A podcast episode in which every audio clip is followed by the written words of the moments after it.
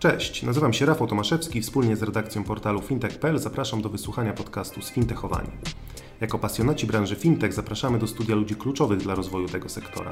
Przeprowadzamy z nim pogłębione rozmowy zarówno o luźnych kwestiach, jak i pogawędki na tematy bardziej skomplikowane. Zajmujemy się wszystkim tym, co w codziennym kontakcie z branżą finansową może umknąć uwadze odbiorców. Codzienne newsy związane z fintechami, bankami czy innowacjami technologicznymi przeczytacie na fintech.pl oraz na naszej facebookowej grupie Sfintechowani. Dzień dobry Państwu, Rafał Tomaszewski, redaktor serwisu fintech.pl. Zapraszam na kolejny odcinek podcastu z cyklu Sfintechowani. Tym razem naszym gościem jest Jakub Czerwiński, odpowiadający za sprzedaż na rynku Europy Środkowo-Wschodniej w Adyen. Dzień dobry. Witam serdecznie, cześć, dzięki za zaproszenie. Porozmawiamy sobie przede wszystkim o branży e-commerce, o działalności Adyen i o nowym raporcie dotyczącym zwyczajów zakupowych w internecie, między innymi w czasie e, pandemii. No i pierwszym pytaniu zapytam Cię właśnie o ten e, raport. E, wasz najnowszy raport opisuje zmiany w zachowaniu klientów kupujących w internecie. I jednym z takich ciekawszych wniosków jest to, że nie liczy się obecnie już tylko cena produktu są też inne aspekty, na które klienci zwracają uwagę i co jeszcze ma znaczenie dla konsumentów zgodnie z tym waszym raportem? Tak, no to jest dobre spostrzeżenie. Na pewno zauważyliśmy, że na przestrzeni ostatnich lat, odkąd budujemy ten raport co roku, zmienia się jakby puenta tego, co, co on wskazuje. E, na pewno jednym z, z, najbardziej wyraźnych wniosków tego roku jest to, że rzeczywiście konsumenci przykuwają coraz większą uwagę do doświadczenia zakupowego e, i do tego, jakimi wartościami kieruje się marka. Tak? Ta, ten czynnik e, ceny czy nawet jakości produktu niejednokrotnie nie jest już wskazywany jako najważniejszy element um, w procesie decyzyjnym klientów. E, natomiast oczywiście no nie, nie da się uciec od tego, że tegoroczna edycja naszego Retail Report jest podyktowana w dużym stopniu całą, całym kryzysem pandemii COVID-19. Um, dlatego widzimy, że w najbardziej dramatyczny sposób e, wpłynęła ona na no oczywiście branżę handlu, turystyki czy, czy szeroko rozumianej choreki. E, tam na pewno um, odczuwalne e, były zamknięcia i, i restrykcje w, w handlu. Um, natomiast chyba najważniejszym e, wnioskiem, który płynie z tego, jest to, że w wielu, wielu branżach i na wielu międzynarodowych rynkach to była też świetna szansa na taką budowę nowych fundamentów strategii cyfrowej. Tak? Wiele organizacji zainwestowało w tą digitalizację, o której mówią, mowa była od wielu lat.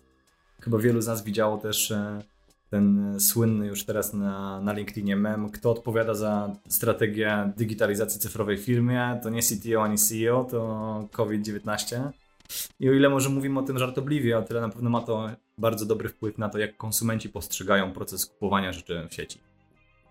Tak, na pewno. No nie da się tutaj ukryć, że pandemia miała bardzo duży wpływ na, na zmianę tych zwyczajów, ale wciąż niezmiennie istotne jest bezpieczeństwo transakcji. To niezależnie od, od y, czasów, w jakich, y, w jakich żyjemy obecnie, ma, ma duże znaczenie. I e, według Ciebie na co przede wszystkim klienci powinni zwrócić uwagę, robiąc zakupy w internecie, żeby nie dać, żeby nie dać się oszukać, nie paść, nie paść ofiarą oszustw? E, tak, no, kolejne dobre pytanie, bo o, o oszustwach w sieci można mówić tylko jedno. E, to jest to, że jest ono nieuniknione, jest stale obecne i, e, i tak naprawdę sprzedający w sieci zawsze muszą liczyć się z tym, że pojawi się w pewnym punkcie i momencie ktoś, kto będzie chciał schakować ich witrynę, e, podszyć się pod nich, robić jakiś phishing, tak?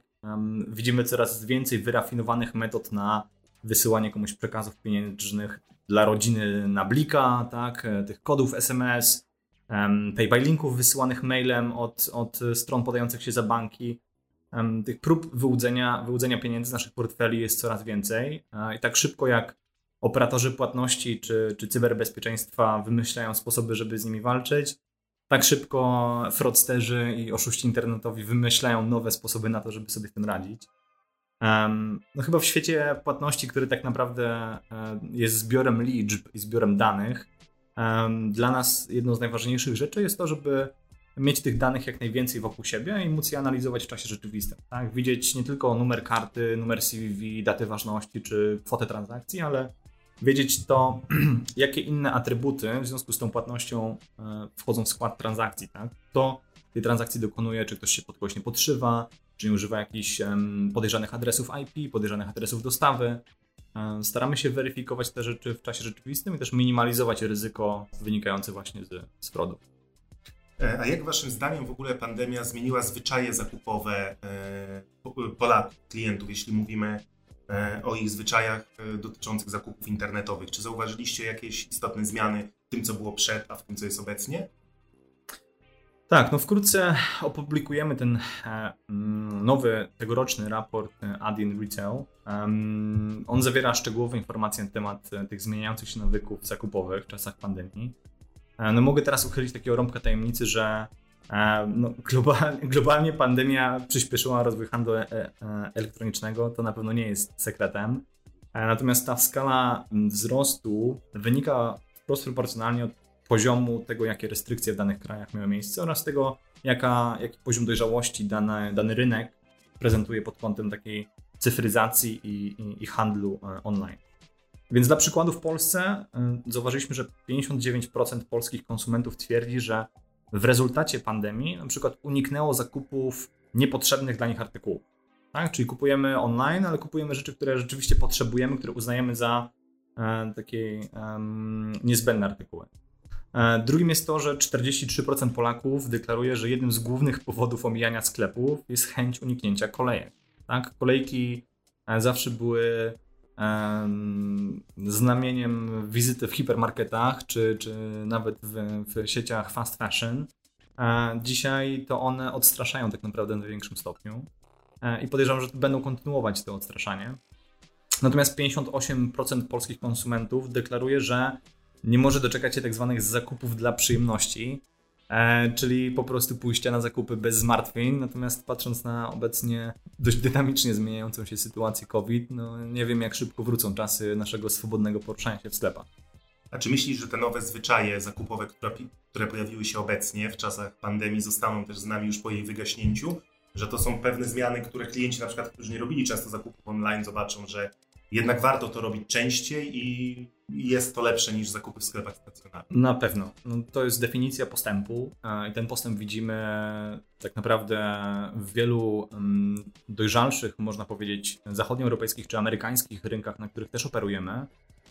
Jedną z takich e, bardzo ciekawych e, znamion COVID-u jest to, że e, preferencje dotyczące płatności zdecydowanie potwierdzają tendencję spadających transakcji gotówkowych. Tak? 44% polskich konsumentów powiedziało, że do niedawna preferowali gotówkę, ale od czasu pandemii całkowicie przerzucili się na płatności zbliżeniowe i portfele cyfrowe. Tak? I to jest coś, co moim zdaniem już nie wróci, bo to jest wygodne, tak? bezpieczne. Ludzie czują, że, że załatwiają sprawę w sklepie szybko, nie potrzebują spędzać czasu na wydawaniu reszty, braniu tej reszty, dotykaniu pieniędzy, więc na pewno jest to jedna z tych zmian, które mm, są nieodwracalne moim Kolejny ciekawy aspekt to są subskrypcje, ponieważ są to usługi, które rosną niezależnie od, od pandemii.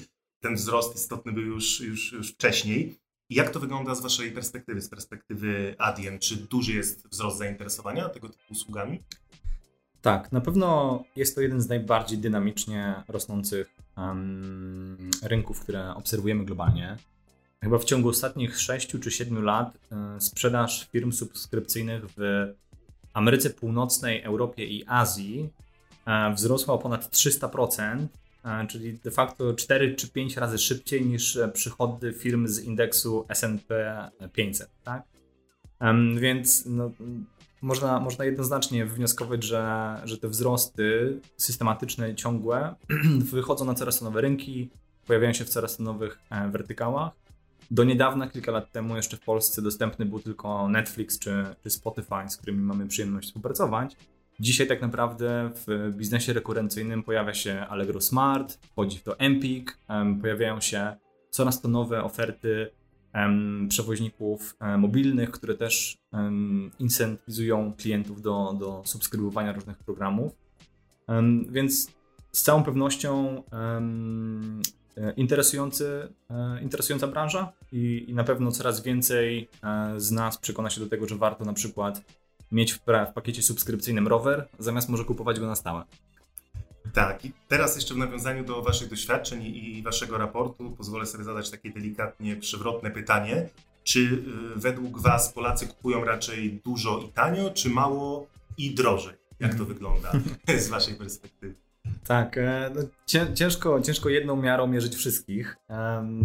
Myślę, że spektrum mm, biznesu, z którym pracujemy, jest tak szerokie od e, linii lotniczych przez detalistów takich jak Adidas czy Chanel po portale cyfrowe takie jak e, gog.com należący do, do CD Projekt.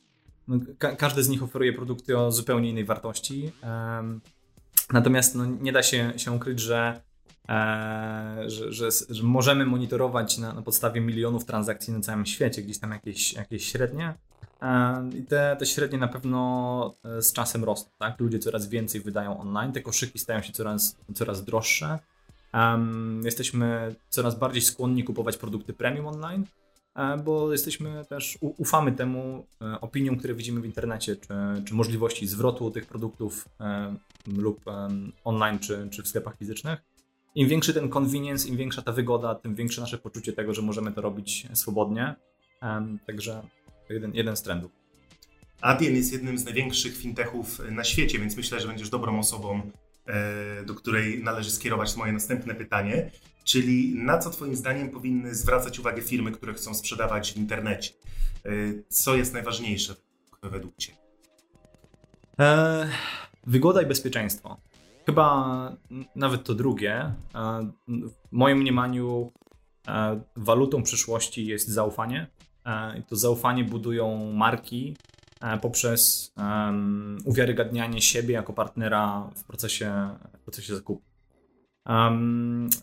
Co, co, to oznacza dla biznesu, który chce rozpocząć przygodę ze światem online? No na pewno to, żeby um, cały proces tego zakupu produktu czy usługi um, nie wzbudzał jakichkolwiek podejrzeń. Tak, żeby on zawsze dawał e, świadomość tego, że płacimy w metodach płatności, które są nam znane, w sposób, którym, z którym jesteśmy mm, za, mm, zaznajomieni tak, więc wdrażanie, wdrażanie lokalnych walut, jeżeli myślimy o in, um, globalnej ekspansji, czy wdrażanie lokalnych metod płatności, na pewno są to dwa rzeczy, dwie rzeczy, o których warto pamiętać. Kilka miesięcy temu otworzyliście swoje biuro w Warszawie. I jak y, oceniacie ten ostatni okres waszej fizycznej obecności w Polsce? E, dobre, dobre pytanie. No, Polska to przede wszystkim jest bardzo duży, atrakcyjny i dynamiczny rynek. Tak? E, zmieniająca się e, kultura, kultura mm, e-commerce'u była jednym z, z czynników, dla których zdecydowaliśmy się otworzyć nasze biuro w Warszawie. Natomiast my zawsze wchodzimy na nowy rynek z takim bardzo długofalowym i długotrwałą, e, długotrwałą strategią. I też efektem otwarcia tego biura była strategia, którą podjęliśmy już wiele lat temu. Tak? My z lokalnymi firmami współpracujemy od wielu lat do nich należą m.in. polskie linie lotnicze LOT, Cinkciarz, takie platformy jak Buksy czy Zdany Lekarz. E, budowaliśmy z nimi relacje, nazwijmy to międzynarodowo, e, od dłuższego czasu, ale olbrzymi popyt na naszą obecność lokalnie sprawił, że, że postanowiliśmy to biuro tutaj otworzyć. Pierwsze miesiące pokazują naprawdę świetne rezultaty. E, bardzo wielu klientów doceniło to, że zatrudniamy lokalnych ekspertów, że oferujemy im wsparcie w, w lokalnym języku. E, to są rzeczy, których nie można nie docenić i, i jest to też jeden z naszych wyróżników, patrząc z perspektywy innych graczy, innych globalnych fintechów, z którymi się porównujemy. Mieliśmy okazję rozmawiać niedługo po waszym e, debiucie, właśnie po otworzeniu biura tutaj w Warszawie i wtedy powiedziałeś mi, że e, to biuro ma służyć jako taki hub dla regionu, tak? że raczej nie będzie otwierania biura powiedzmy na Litwie czy, czy w Czechach, że to biuro w Warszawie będzie takim hubem dla regionu, ale czy uważasz, że coś tutaj może się zmieniło od tego czasu, że może jednak będą kolejne biura, jak jesteście zadowoleni z sukcesu tego warszawskiego? Nie, zdecydowanie trzymamy się swojej decyzji. Warszawa będzie dla nas hubem dla całego regionu Europy Środkowo-Wschodniej. No co ciekawe, ten, ten region jest bardzo specyficzny, ponieważ wiele firm z tego regionu, rozwijając się, traktuje Polskę jako swój strategiczny rynek numer jeden. Tak, po, posłużę się przykładem jednego z naszych partnerów, e, platformy Marketplace Vinted, która, dla której Polska nie jest macierzystym rynkiem, tak? E, natomiast traktują ją jako jeden z naj, najszybciej rozwijających się i, i, rosnących. Też budujemy z nimi re, lokalnie relacje tutaj w Polsce. To samo można powiedzieć o, o takich markach jak Bolt czy, czy Volt. Też są nadbałtyckie startupy technologiczne, a też mamy z nimi bardzo dobrą silną relację w Polsce lokalnie. Dlatego nie, nie jestem w stanie znaleźć dzisiaj, tu i teraz powodu, dla którego mielibyśmy otwierać kolejne biura, czy, czy na Litwie, czy w Czechach. E, natomiast e, nasza, nasza ambicja nie kończy się w Polsce, na pewno rozwijamy się też e, w innych krajach regionu. Jasne, już zmierzając tak do końca naszej rozmowy, zapytam Cię o Wasze dalsze plany ekspansji w Polsce. Macie już partnerstwo z Blikiem i co się jeszcze wydarzy w ciągu kilku najbliższych miesięcy? No, cel jest bardzo prosty. Chcemy udostępnić polskim firmom najlepsze rozwiązania płatnicze na rynku. Tak? Aby udostępniać najlepsze rozwiązania płatnicze, musimy mieć najbardziej adekwatne metody płatności, musimy mieć najszybsze i najbezpieczniejsze metody płatności e, i musimy, musimy też stać się konkurencyjni, jeżeli chodzi o rozpoznawalność naszej marki. Serca, serca globalnych um, liderów biznesu udało nam się zdobyć na przestrzeni ostatnich lat. Um, teraz pora na um, polski biznes. E, z wieloma polskimi biznesami już rozmawiamy.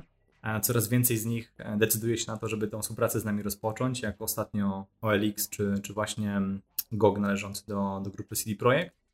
E, więc plan jest prosty, tak jak powiedziałem. No, sky, sky is the limit. E, rozwijamy prężnie skrzydła. Mamy nadzieję, że dołączy do nas najlepszy talent lokalnego rynku fintech. Cały czas rekrutujemy, cały czas szukamy nowych ludzi do zespołu, także E, zapraszam serdecznie na naszą stronę. Tam mamy dużo informacji o tym, jakie pozycje są obecnie otwarte. I myślę, że to bardzo dobry moment, żeby postawić kropkę. Gościem podcastu fintech.pl był Jakub Czerwiński, odpowiadający za sprzedaż na rynku Europy Środkowo-Wschodniej w Adyen. Dziękuję bardzo. Dziękuję również, do usłyszenia. Ja nazywam się Rafał Tomaszewski i zapraszam na kolejną audycję już wkrótce.